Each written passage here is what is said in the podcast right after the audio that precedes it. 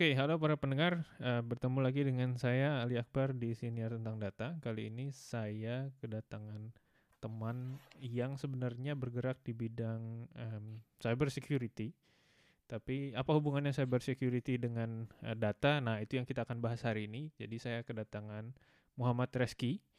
Uh, Muhammad Reski ini teman saya dulu di uh, University of Edinburgh pas ngambil S2. Teman saya angkatan, terus sekarang sedang bekerja sebagai uh, junior manager ya? Apa sih judulnya? Ya. Ya junior yeah, manager, junior di di Deloitte Netherlands. Gitu. Jadi selamat datang Bapak Reski terima kasih sudah mau menyempatkan waktunya. Uh, threat hunter deh bilangnya jangan posisi struktural oh iya gitu. baiklah baiklah ya threat, threat hunter ya nanti nggak nggak nggak relevan ya benar-benar ya uh, threat hunter nah jadi ceritanya yang hari ini kita mau bicarakan adalah ya, kemarin kan kita sempat ngobrol-ngobrol nih of air tentang uh, kayaknya ada peluangnya untuk machine learning atau uh, data analisis lah paling nggak sederhananya di threat hunting. Jadi boleh nggak cerita dulu? Ya mungkin cerita dulu uh, backgroundnya sehari-hari ngapain, terus apa itu cyber threat hunting dan gimana data bisa berperan di sana. Gitu pak. Oke, okay, thank you Pak Ali. Uh, ya tadi udah diperkenalkan dikit tadi sama Ali. Uh, panggilan saya Mure aja nggak apa-apa juga. Uh, pekerjaan tadi juga udah disebutin cyber security profesional, uh, khususnya di bidang incident response dan threat hunting. Jadi respon terhadap uh, cyber incident atau juga threat hunting. Uh, sebelum berkarir di bidang security, saya sempat juga bekerja sebagai forensic investigator sebenarnya.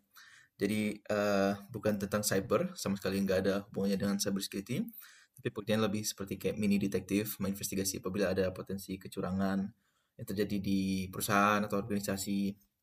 Uh, sempat juga bekerja sebagai software engineer, jadi agak nyampur-nyampur sebenarnya pengalaman saya. Uh, ya, tapi sebenarnya yang paling penting itu kan uh, mindset ya. Uh, threat hunting, fraud investigator, software engineer semuanya sama aja. Mencoba menyelesaikan masalah, mencoba mencari uh, root cause uh, terhadap uh, dari masalah apa. Uh, threat hunting uh, apa sih sebenarnya tertanting gitu kali ya. Yeah, yeah. Uh, hal yang paling ya hal yang paling umum saya umum saya temuin adalah kalau misalnya ngasih talks atau misalnya ngasih presentasi uh, tentang tertanting uh, ke apa bilangnya ya ke audiens yang biasanya lebih uh, berkutat sama uh, rekayasa perangkat lunak sama programming uh, ya sama hal-hal yang berbau dengan computer science adalah ini istilah dari mana sih sebenarnya uh, maksudnya apa gitu kan sebenarnya hal-hal yang berbau dengan security itu biasanya directly uh, berhubungan sama uh, military uh, uh, apa istilah-istilahnya etimologinya. Jadi uh, seingat saya dulu uh, datangnya dari Air Force dari uh, apa bilangnya? Uh, TNI. eh bukan TNI. Arminya US pastinya. Uh, mereka mencoba uh, mensimulasikan serangan udara. Uh, terus uh, orang orang office-nya mencoba mensimulasikan dan uh, mengeksplorasi data dari serangan udara-serangan udara sebelumnya, uh, kemudian mem memplotting uh, apa sih pattern serangan udara yang uh, yang bisa terjadi dari mana dan segala macamnya.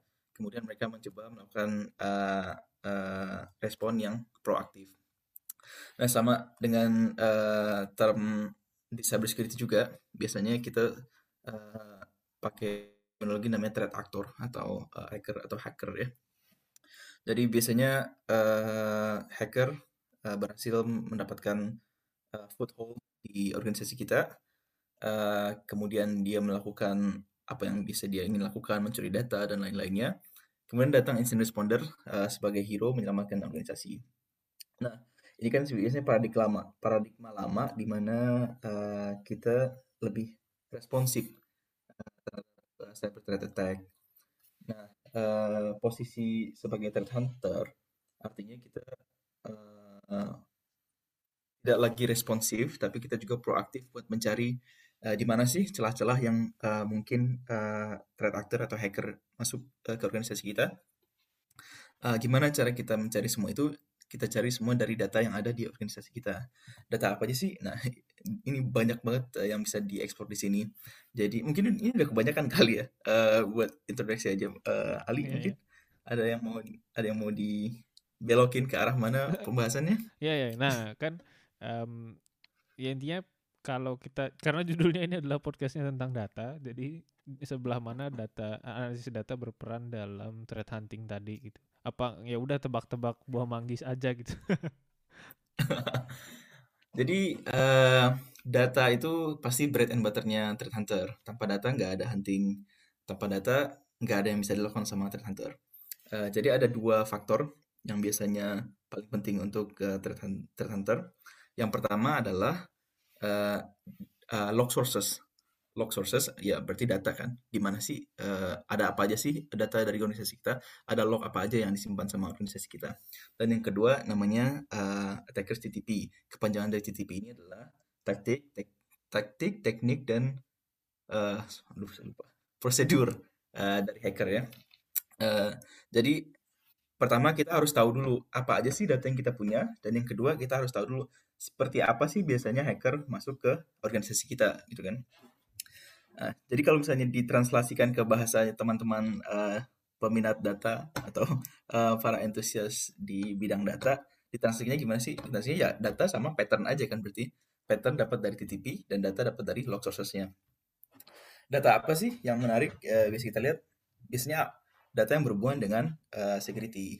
Bisa data log dari operating system yang teman-teman gunakan, uh, atau yang digunakan di dalam server, bisa juga data dari firewall, bisa data dari uh, VPN, data dari uh, proxy, web proxy misalnya. Uh, dari segala macam data yang dikumpulkan tadi, atau biasanya juga bisa data dari uh, aplikasi ya, karena semua aplikasi kan biasanya juga ada lognya, ada debugging log, ada error log, uh, ada usage logs dan apa pun lah. Uh, biasanya juga termasuk juga aplikasi dalam bentuk web, web web app juga biasanya uh, uh, punya uh, web server logs. Nah, setelah kita identifikasi uh, apa aja sih data yang ada di organisasi kita, kemudian kita kumpulkan dalam data lake seperti biasa. Kalau di uh, bidang uh, pengolahan data, teman-teman uh, biasanya menggunakan kayak Hadoop dan segala macamnya.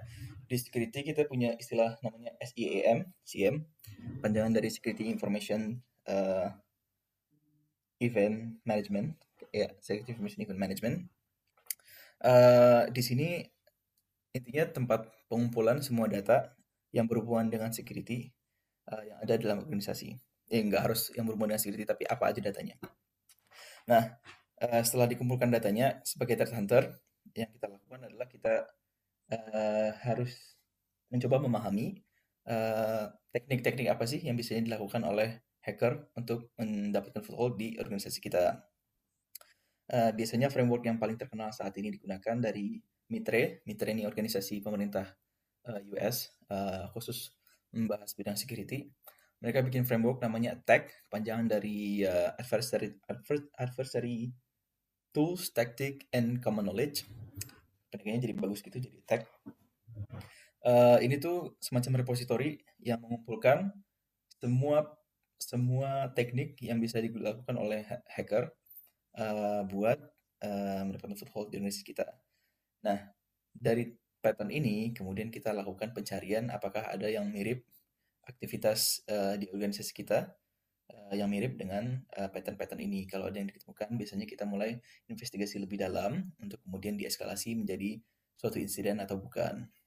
Kira-kira seperti itu uh, penggunaan data uh, secara yang yang paling mudah gitu ya di dalam bidang threat hunting.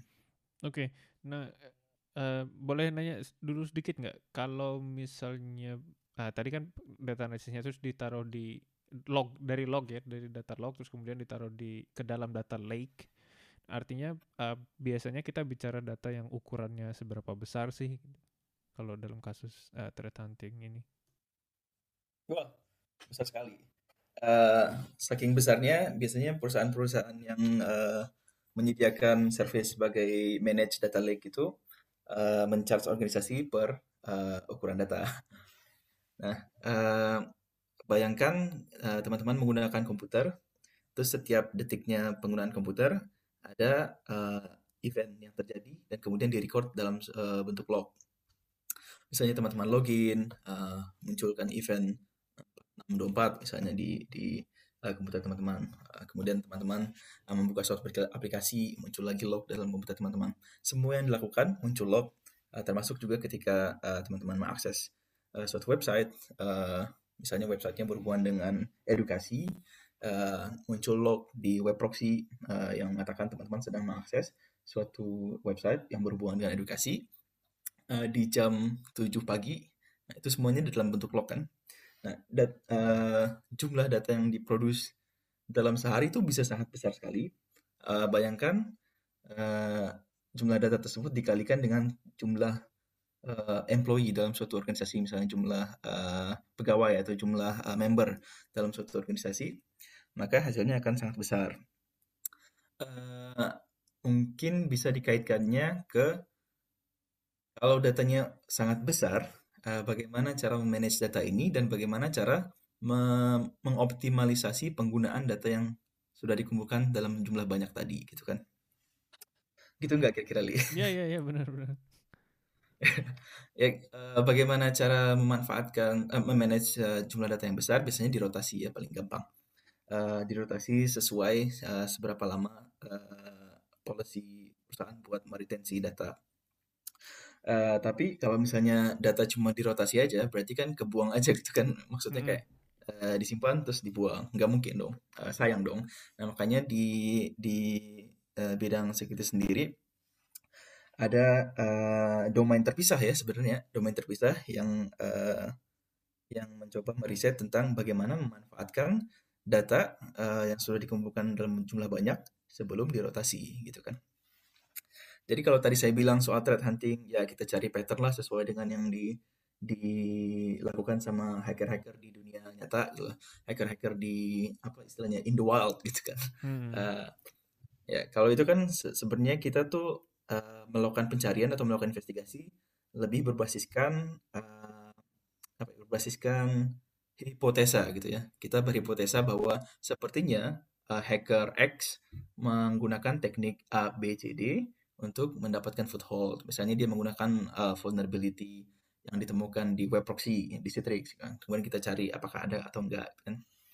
Tapi ada juga bidang uh, security yang mendalami tentang uh, bagaimana cara kita uh, memahami ini, memahami uh, pattern data penggunaan uh, dari user untuk kemudian kita bisa uh, mendeteksi apabila ada nanti outlier dari sana uh, saya, saya sebut aja bidangnya di sini. Uh, bukan bidang kali ya. Uh, uh, termnya. Uh, di security biasanya kita bilang user analytics atau user entity and behavior analytics.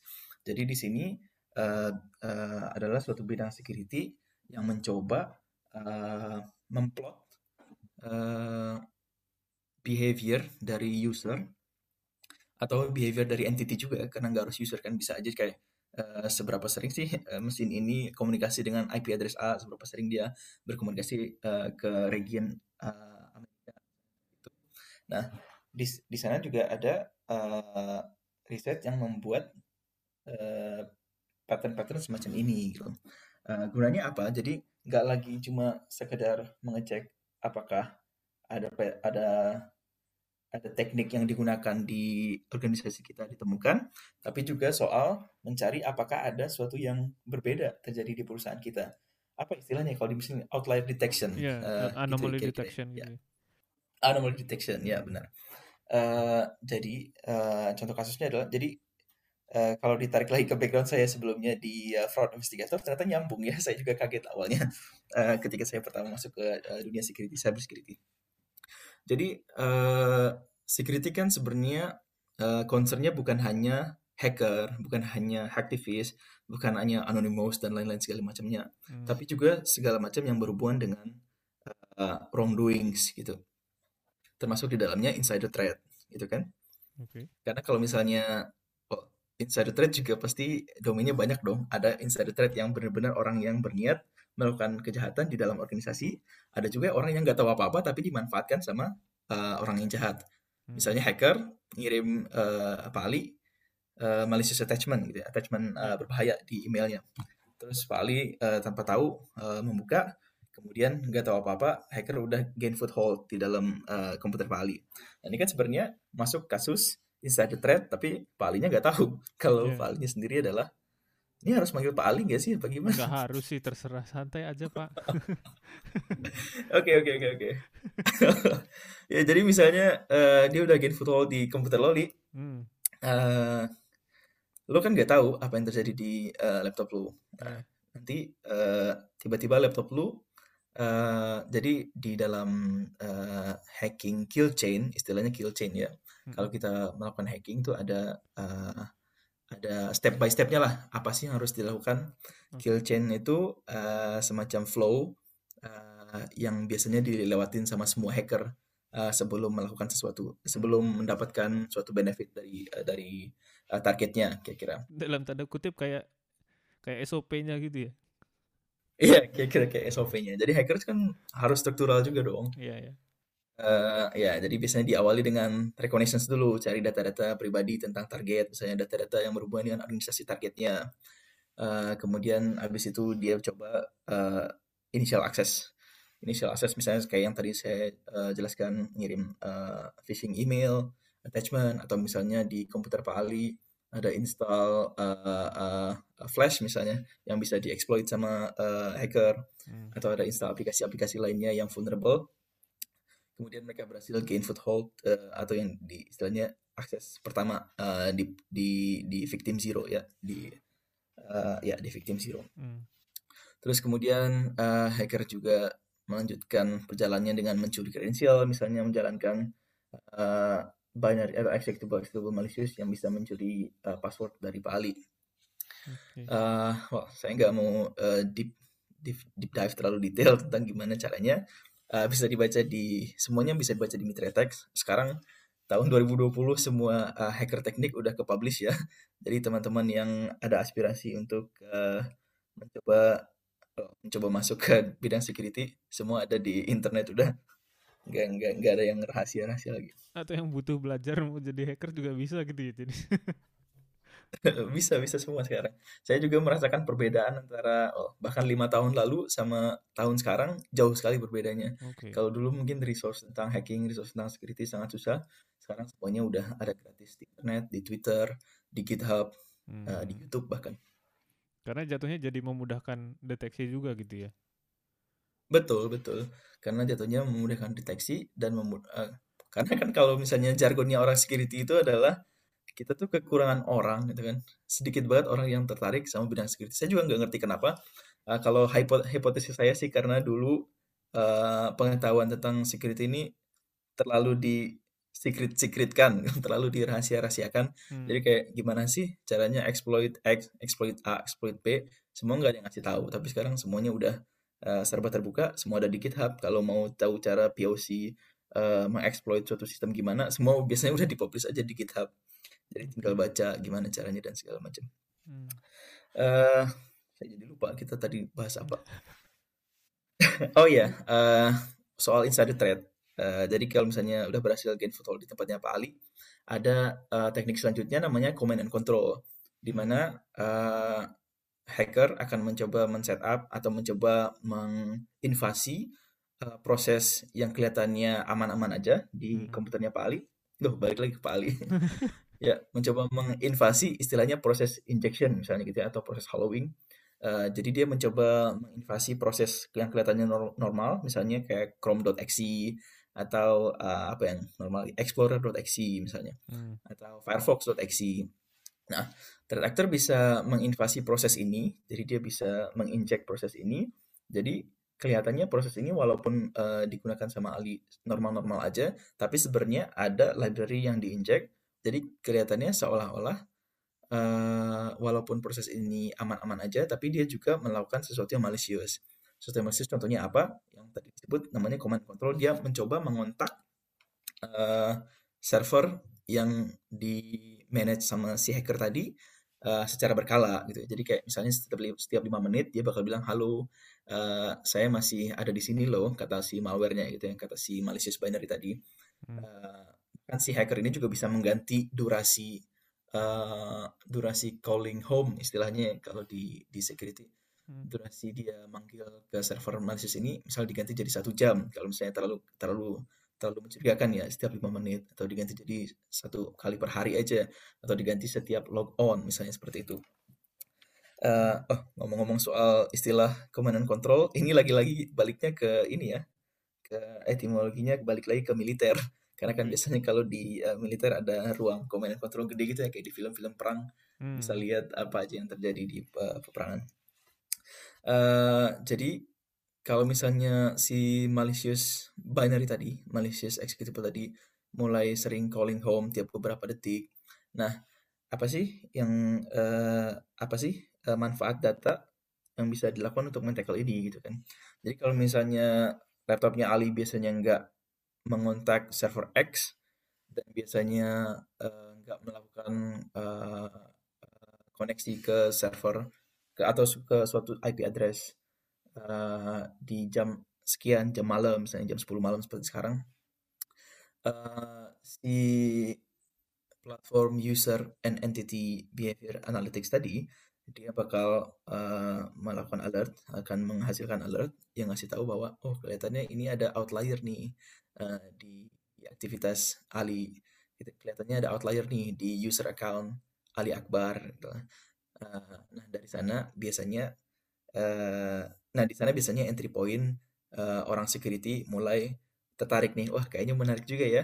Uh, kalau misalnya kita nggak lagi ngomong soal oh ya ini pattern si hacker biasanya dia mengeksploit uh, vulnerability A, B, C, biasanya dia kirim phishing. Nah, di sini biasanya entry point orang security mulai tertarik tentang mungkin kita bisa do something more with data. Mungkin kita bisa explore uh, data yang ada uh, lebih banyak sehingga kita bisa mendeteksi lebih gampang. Nah, kira-kira seperti itu biasanya entry point-nya. Oke. Okay. Ini sebenarnya agak jauh ke belakang pertanyaannya. Tadi ada sempat disebut, cuman kayaknya ini penting. Kalau misalnya tadi dibilang kan salah satu uh, poin yang akan dianalisis itu adalah usernya sendiri, si user analytics tadi. Uh, kalau misalnya kayak gitu, uh, privacy issue-nya gimana gitu? Maksudnya kan artinya kita tahu si orang ini ngapain aja kan gitu dalam sehari mungkin dia buka website apa lah website judi lah gitu misalnya atau atau aktivitas yang lain misalnya dia apakah misalnya ternyata uh, kita juga tahu dia uh, pakai username-nya apa passwordnya apa tuh yang kayak gitu uh, jadi gimana tuh privacy issue-nya gitu? Menarik nih bahas privacy. Kebetulan saya disclaimer dulu nih saya bukan privacy expert ya. Saya incident response and expert Uh, tapi uh, saya punya banyak kolega yang bekerja di bidang privasi dan kadang kalau misalnya ada insiden, uh, biasanya kita juga uh, consult ke mereka uh, soal privasi data yang terekspos misalnya di, di internet atau privasi data uh, yang yang yang ter uh, terbreach sama hacker. ngomong-ngomong uh, soal privasi, uh, security kan selalu soal monitoring ya, selalu soal uh, apa istilahnya ya, uh, surveillance gitu ya uh, benar kalau misalnya dibilang data yang diambil adalah data yang datang dari uh, device yang digunakan oleh user. Uh, tapi biasanya kalau dalam konteks organisasi, device yang teman-teman gunakan biasanya bukan, biasanya bukan device teman-teman sendiri. Kalau at least kalau di sini ya, apalagi kita lagi di uh, Eropa, biasanya semua employee, semua member organisasi, uh, device yang dia gunakan pasti device milik dari organisasi itu untuk mencegah hal-hal yang tidak diinginkan tentang privasi tadi. Gitu. Uh, data yang ada di dalam uh, device yang digunakan oleh employee belong to the employer. Uh, data yang digunakan untuk pekerjaan belong to the employer. Tapi ada istilahnya di dalam uh, GDPR. Oh, mungkin kita bakal bahas GDPR habis ini. Ada ada ada istilah oh mungkin bukan dalam GDPR tapi data istilah dalam privasi ya istilahnya PII tentang personal data jadi data-data yang berhubungan dengan uh, apa yang bisa mendeskripsikan teman-teman misalnya uh, gender uh, sexual orientation uh, nama nama panjang uh, keluarga itu semuanya masuk ke kategori data PII nah uh, walaupun teman-teman menggunakan device milik kantor, milik uh, organisasi teman-teman, kalau misalnya ada data PII dalam data uh, dalam device tersebut, perusahaan atau siapa pun yang pemilik device yang teman-teman gunakan tidak punya hak untuk mengumpulkan data ini. Nah, ini jadi masuk ke kategori khusus data khusus ya. Hmm. Kalau misalnya data yang tadi kita bahas kan data oh, data security aja ya, data yeah. data log aja ya, data yeah. data aplikasi lah, data web server, data proxy, data endpoint, data OS, semua kan data data data data digital, data mesin gitu ya. Hmm. Jadi nggak ada pemiliknya gitu kan. Hmm. Pemiliknya siapa ya? Pemiliknya perusahaan karena mesinnya semua punya perusahaan dong. Yeah. Nah, tapi teman-teman kan user ya, manusia. Teman-teman juga punya uh, punya hak milik terhadap data-data milik teman-teman. Nah, di sini yang uh, muncul uh, kategori PII tadi menjadi data khusus. Uh, saya kalau misalnya pengumpulan data ke data lake tadi, semua PII wajib dianonimisasi. Uh, bahkan ada kewajiban untuk menghilangkan data PII sama sekali dari data lake. Jadi kalau misalnya kita melakukan surveillance, uh, uh, bukan poin khusus. Kalau kita melakukan surveillance atau kita melakukan monitoring, yang kita lihat adalah apakah ada aktivitas malicious atau tidak. Semua yang berhubungan dengan uh, uh, privasi user, siapa usernya, uh, di mana lokasi usernya, oh, bentar, siapa usernya, pokoknya yang bisa mendeskripsikan usernya semua harus dianonimisasi, semua harus dihilangkan, dan nggak boleh ada sedikit pun diskusi tentang hal-hal uh, uh, yang berhubungan dengan PII ini. Hmm. Karena apa? Uh, karena itu bukan milik si perusahaannya. Data PII adalah milik personnya, gitu kan? Namanya personally identifiable information. Hmm. Milik milik siapa? Milik personnya, milik orang itu. Hmm. Misalnya Ali menggunakan uh, laptop perusahaan uh, buat bekerja sehari-hari, machine learning dan segala macamnya Uh, tapi di dalam uh, laptop Ali juga ada uh, foto keluarga dan segala macam. Yeah. Ketika kita sebagai orang security mengumpulkan data, kita kan pasti mengumpulkan data mesinnya kan, data log, mm -hmm. uh, data operating system. Uh, tapi kemudian apabila ada uh, uh, instan di mana hacker misalnya menggunakan uh, menggunakan data Ali, password Ali segala macam uh, yang yang berhubungan dengan personal account, uh, untuk uh, melakukan serangannya. Apakah kemudian perusahaan boleh menggunakan data pribadi Ali atau enggak? Jawabannya tergantung. Apakah Ali memberikan konsen atau enggak terhadap itu. Jadi kalau misalnya uh, perusahaan minta Ali, uh, ini ada uh, serangan dan sepertinya dia menggunakan uh, file password.txt karena Ali nyimpan password di dalam text file aja gitu kan. Situasi fictional aja gitu kan. Iya, yeah, yeah. uh, iya. Uh, jadi uh, setelah itu email personal Ali kemudian mengirimkan uh, uh, fraud email gitu kan ke uh, uh, employee lain. Boleh nggak kita mendapatkan akses ke email ini? Terus kalau Ali bilang nggak boleh ya udah berhenti di sana aja karena hak hak milik itu ada di Ali. Ini kita jadi agak melebar bahas uh, GDPR mm, uh, tapi nggak apa-apa kali ya. Kan itu data protection regulation gitu jadi nggak apa-apa. Oke. okay. Ya sebenarnya saya juga belajarnya dulu cyber security and privacy, jadi ya nyambung-nyambung lah. Hmm. Nggak mungkin bisa dipisahin sih security sama privasi. Iya ya. Eh, kalau nggak salah juga uh, di GDPR tuh ada yang bilang kalau nggak boleh nyimpan dengan alasan ah mudah mudah eh mungkin nanti terpakai gitu. Jadi kalau gimana nanti itu buka eh, apa tidak bisa jadi pembenaran untuk menyimpan data gitu ya kalau nggak salah ya. Ya, uh, mungkin TLDR eh, apa, GDPR tuh kan panjang banget ya, Iya. uh, dokumennya ya. Hmm. Saya selalu bilang TLDR-nya apa sih? Kalau si si si, uh, si GDPR ini apa sih TLDR-nya? Hmm. Tolong di read-nya gitu ya. Uh, intinya menurut saya adalah sekarang tuh semua organisasi kalau mau megang data pribadi kita, data personal kita, mereka harus punya bukti bahwa mereka uh, mereka mereka tuh legal buat memiliki data-data kita. Hmm. Uh, dan mereka tuh harus punya bukti bahwa data yang mereka simpan mereka manfaatkan sesuai dengan apa yang mereka tuliskan dalam uh, permintaan konsennya. Jadi harus bisa memberikan bukti itu. Kalau misalnya suatu saat ada yang audit bilang kayak, oke, okay, kamu bilang kamu menyimpan data A, B, C, D, X untuk X, untuk Z gitu ya. Buktikan. Nah, itu yang harus mereka uh, itu yang harus mereka tunjukkan ke si auditornya. Hmm. Itu yang harus mereka lakukan uh, tunjukkan ke uh, uh, regulator. Jadi benar yang Ali bilang tadi uh, perusahaan harus uh, harus tahu data tuh mau harus mau diapa uh, bakal diapain. Kalau nggak tahu disimpan aja yang nggak boleh. Ya ya, oke oke. Nah um, ini kan uh, menariknya adalah yang enforce peraturan atau regulasi seperti ini kan di Eropa ya. GDPR itu kan uh, produknya Uni Eropa kalau nggak salah. Nah, uh, bagaimana dengan negara-negara yang lain gitu, misalnya ya di Indonesia lah gitu atau mis ya Indonesia lah yang yang mungkin pendengar kita lebih banyak di sana gitu. Oke. Okay.